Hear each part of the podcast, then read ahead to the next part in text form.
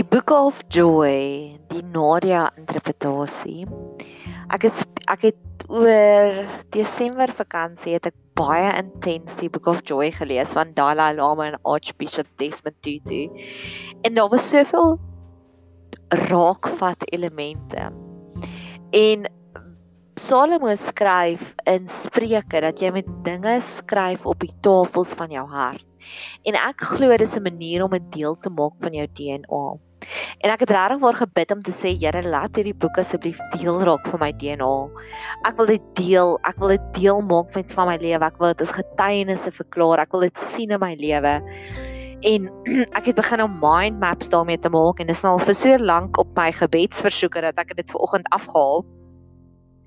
Maar ek het ek wil wel nog steeds aangaan daarmee want ek het agtergekom hoe meer ek mediteer en reflekteer op hierdie punte, hoe meer kan ek dit aanhaal as ander stories. So gister het ek gegaan vir 'n Brazilian haar blou hyf en dit voel vir my soos die gift that keeps on giving. Dis nou dag 2 van dit en in dag 1 het dit mooi gelyk en dit lekker gevoel en vanoggend was dit so lekker want ek het letterlik net my hare gewas en dit gelos dat dit droog raak en ek lyk nie soos 'n baba leeuetjie nie.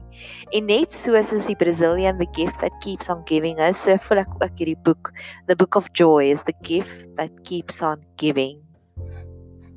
En in hierdie in hierdie potgooi wil ek praat oor oor die dinge wat ons bang maak. Die dinge wat ons broekie laat bewe.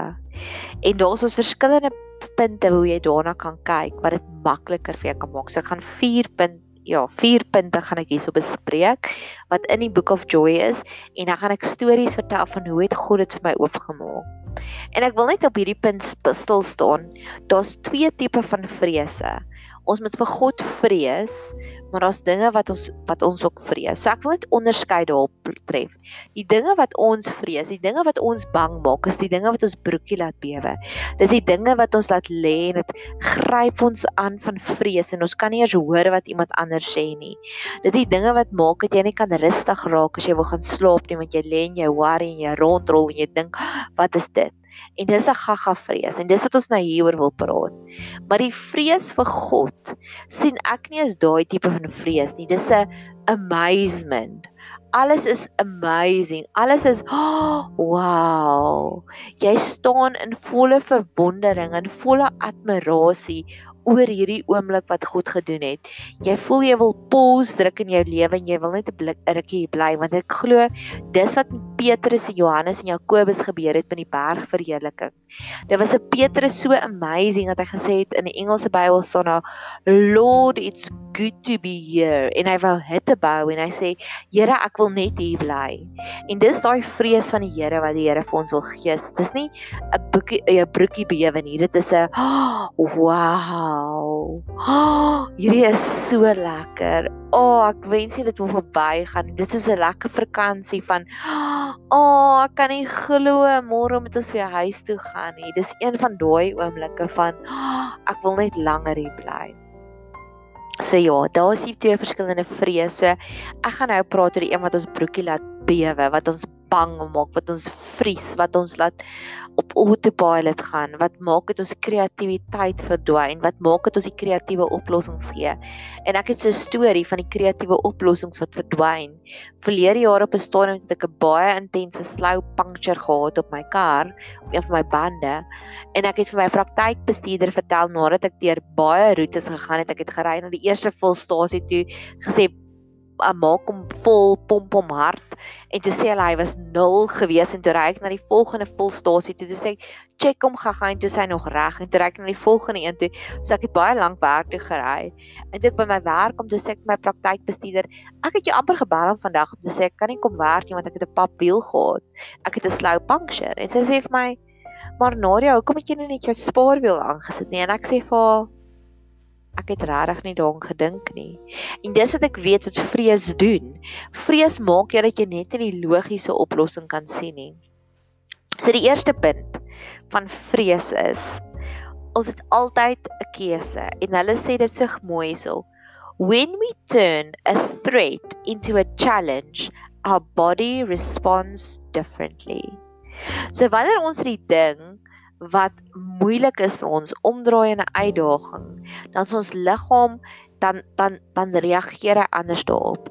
Ek weet dat as jy in 'n stres situasie is, as jy in 'n konflik situasie is, dan skei jou liggaam adrenalien en kortison vry.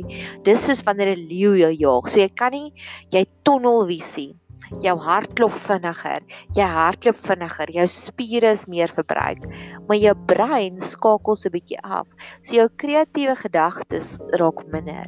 So die oomblik wanneer jy sê, "Oké, okay, hierdie ding maak my nie meer bang nie, dis 'n uitdaging. Hoe gaan ek hom tackle?" Dan kom die kreatiwiteit. Dan kom die vrede. Dan kom die geskiedenis. Soos jy weet God het jou al deur dit gehelp of jy weet daar's 'n spaarwiel in jou bank en dit dit is wat ons kan doen. So daagliks het ons hierdie keuse om te besef hierdie is die dinge wat my bang maak en ek gaan dit eerder omdraai in 'n geleentheid. En wat ek baie keer doen as iemand vir my iets moeilik sê, as ek sê net challenge accepted. Want dan dan net so, net om dit uit te spreek oor my lewe, maak dit ek dadelik begin dink, okay, hier is die kreatiewe maniere hoe ek om hierdie probleem kan gaan hierdie persoon het net my gevra, eintlik maak dit my bietjie bang, so ek sê net challenge accepted en dan kom ek kreatiewe maniere.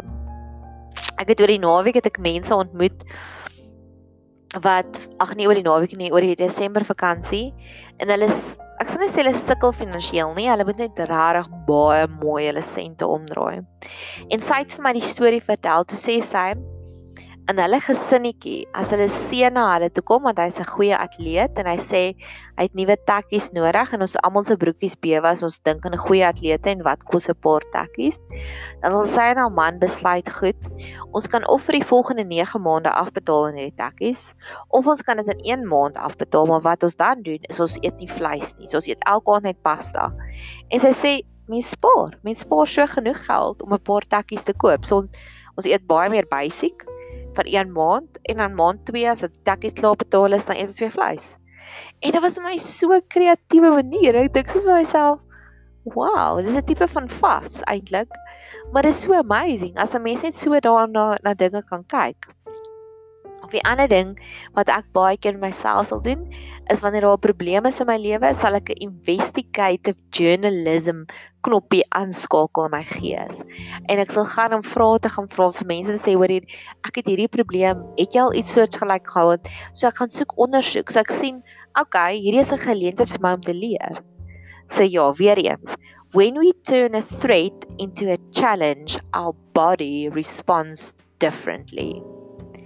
Die volgende storieetjie wat ek het daarop is wat hulle sê in die Book of Joyous: Dink oor ander mense se probleme en dit maak ons minder eensaam. So baie kere wanneer jy dink aan ander mense se probleme, dan maak dit vir jou asof jou probleem bietjie kleiner is en asof jy minder eensaam is.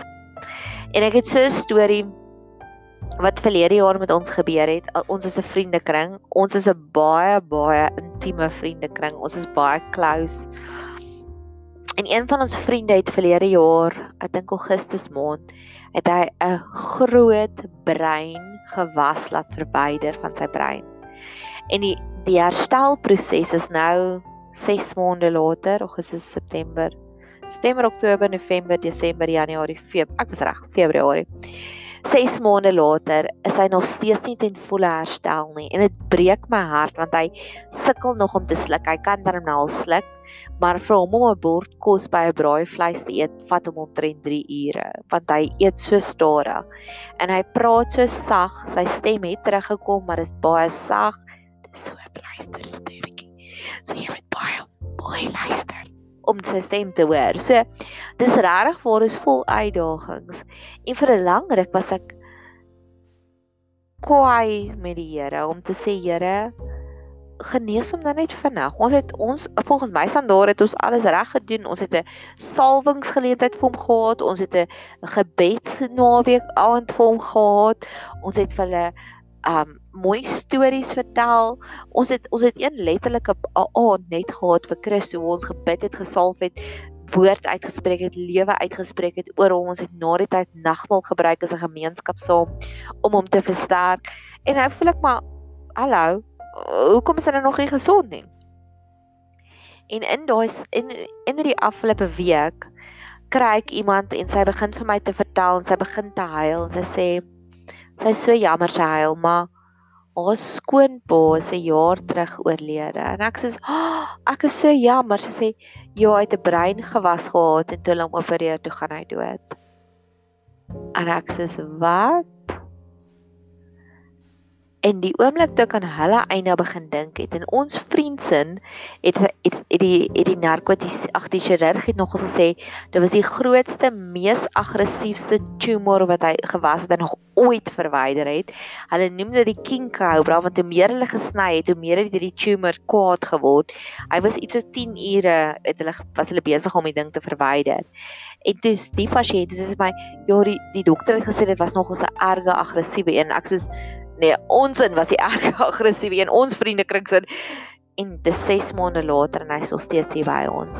En net daai oomblik wat jy besef maar dit kon erger gewees het. Weet jy hoe dankbaar was ek al sit ons vriend nog steeds en eet vir 3 ure lank en hy het 'n baie goeie gees. Hy's al baie kere maar nou moet jy verstaan Julle weet hoe werk dit by 'n braai is die vure word 8 uur aangesteek 9 uur word daar eers gebraai ja.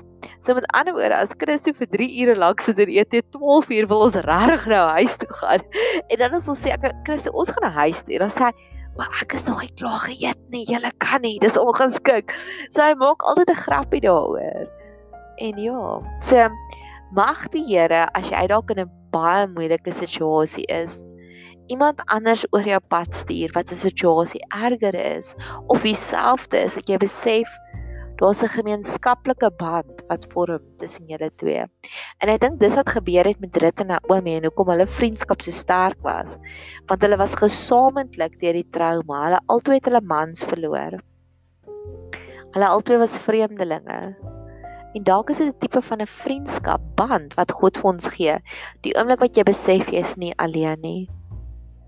Die volgende een wat hulle vertel as jy bang is, Nou dis 'n Dalai Lama storie. Hy sê hy kan baie keer nou nog bietjie vreesbevange wees as hy weet hy moet voor hierdie hele skare mense praat. En dan besef hy, dan dink hy by homself, "Moms, ons almal is dieselfde." En dan gaan die vrees weg. En dis dis so 'n wonderlike manier om met iemand te connect. Die die oomblik wat jy besef hierdie persoon voel ook nie goed genoeg in een of ander area nie. Ons almal het areas waarin ons excel. Ek weet ek kan geestelike boodskappe oordra, maar begin met my te praat oor finansies. en dan sê ek, "Oepsie, ek weet nie hoe dit finansies te werk nie. Ek het nie 'n spaarplan nie. Ek het nie mense sê jy met 3 maande se salaris vooruit hê in jou bank as ek 3 weke se salaris, 3 weke se se finansies oor het in my bankrekening is ek happy." Verstaan ons almal enige persoon, geen nie om hoe mooi hulle is, hoe oulik hulle is, hoe slim hulle is, hoe goed hulle huwelik is, wat ook al die ding, besef net ons is almal dieselfde. Ons almal het 'n area, 'n finansie area, 'n ietsie waarmee ons sukkel. En ek sien dit soos dis 'n ATM kode na iemand se hart toe jy kan jou bankkaartjie vat en jy kan hom indruk en jy kan jou kode insit en woeps daar het jy toegang tot geld. Jy kan jou vriendin se vat en in dieselfde ATM indruk en haar kode insit en hy gaan nie werk nie en hy gaan sê access denied. En so gloop ons elkeen het het ATMs kodes na ons harte toe. En wanneer ons daardie common ground vind, daardie punt vind waar jy sê ek ook het jy onmiddellik toegang tot hulle hart. En mag die Here vir ons net daagliks meer en meer daardie toegang tot hulle harte gee. Dat ons meer en meer meaningful koneksies sal hê met mekaar en minder oppervlakkige koneksies sal hê met mekaar. En ek wil graag vir jou hierdie storie vertel. Markus 10 vers 21. Dis die gelykenis van die nee, dit was nie gelykenis nie, dis 'n ware verhaal van die ryk jong man wat na Jesus toe gekom het en gesê het wat moet ek doen om gered te word? Toe sê Jesus vir hom, "Verkoop alles." En toe sê hy, "Kan nie." En toe sê Jesus, "Oké wel, sorry." Maar in vers 21 staan daar en Jesus het hom, die ryk jong man, aangekyk en hom liefgekry. Hoe mooi is dit? En ek het dit ver oggend beleef. Daar is iemand wat ek seker nou al vir 3 jaar lank ken, maar van verlede week af het die Here vir my laat ek insien en wat hulle vrese en ek kan sien waar hy struggle. En dit is nie asof sy pront uit is 'n baie privaat reserved persoon, maar kon tussen deur die lyne lees en vanoggend het ek vir haar die boodskap gestuur en vir haar gesê ek hoop nie ek trap nou op jou tone nie, maar ek beleef dis jou situasie tans. Dit het my gesê ja. En korra na toe soek, soek ek 'n ander stukkie en hier kom ek op hierdie af van Jesus het hierdie persoon aangekyk en hom lief gekry. En ek glo ook dis nog 'n ATM kode na iemand se punt toe. Hoe meer jy besef, maar weet jy wat? Hoe meer jy kyk na die persoon, hoe meer jy die persoon regtig raak sien, hoe meer gaan die liefde groei. En om iemand raak te sien beteken om hulle struggles te sien. Dit beteken om hulle oorwinnings te sien. Dit beteken om hulle goeie punte te sien. So mag God net vir ons meer daardie liefde ook gee om mense net raak te sien en hulle dan lief te kry.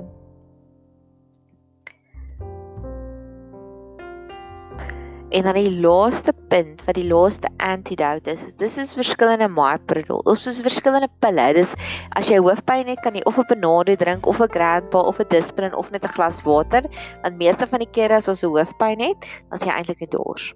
So, volgende keer as jy hoofpyn het, drink net eers 'n groot glas water of sommer 2 of 3 en kyk of die hoofpyn nie weggaan nie. So hierdie is verskillende maniere om vrees te oorwin. So die eerste een is draai hom om moet hom nie meer sien as 'n ding wat jou broekie bang, bang maak nie, maar soos ek sê, challenge accepted. Die tweede een is hoe meer ons onsself in ander mense se skoene sit, hoe minder maak hierdie ding ons bang. En ek het vertel van my vriend se brain tumor en die volgende een is wat ons nou gesê het is almal het 'n storie. Ons almal is dieselfde. Kry die ATM pin na mense se harte toe. En die laaste een is sien jouself as 'n deel van die groter groep. En ek het twee voorbeelde daarop. Die eerste een is natuurlik ons vriendinne. Want die oomblik wanneer een van ons deur 'n moeilike situasie gaan, daai ondersteuning wat jy kry van oh wow, sterkte daarmee, ons dink aan jou en die volgende oggend hoe dit toe gegaan. Net daardie bietjie ondersteuning alhoewel jy self deur daai donker pad moet gaan. Jy moet self deur die valley of death gaan die doodsvallei gaan soos Psalm 23 maar om te weet daar's 'n hele wolk van getuienisse rondom jou wat jou aancheer wat jou bemoedig wat vir jou sê go for it mag jy dit net meer en meer self ervaar. Mag jy weet watter ook al uitdaging jy tans deurwerk, daar is iemand wat jou vooruit gegaan het. En ek glo dis wat gebeur het is Abraham het alleen deur sy reis gegaan. Net hy kon God se stem hoor.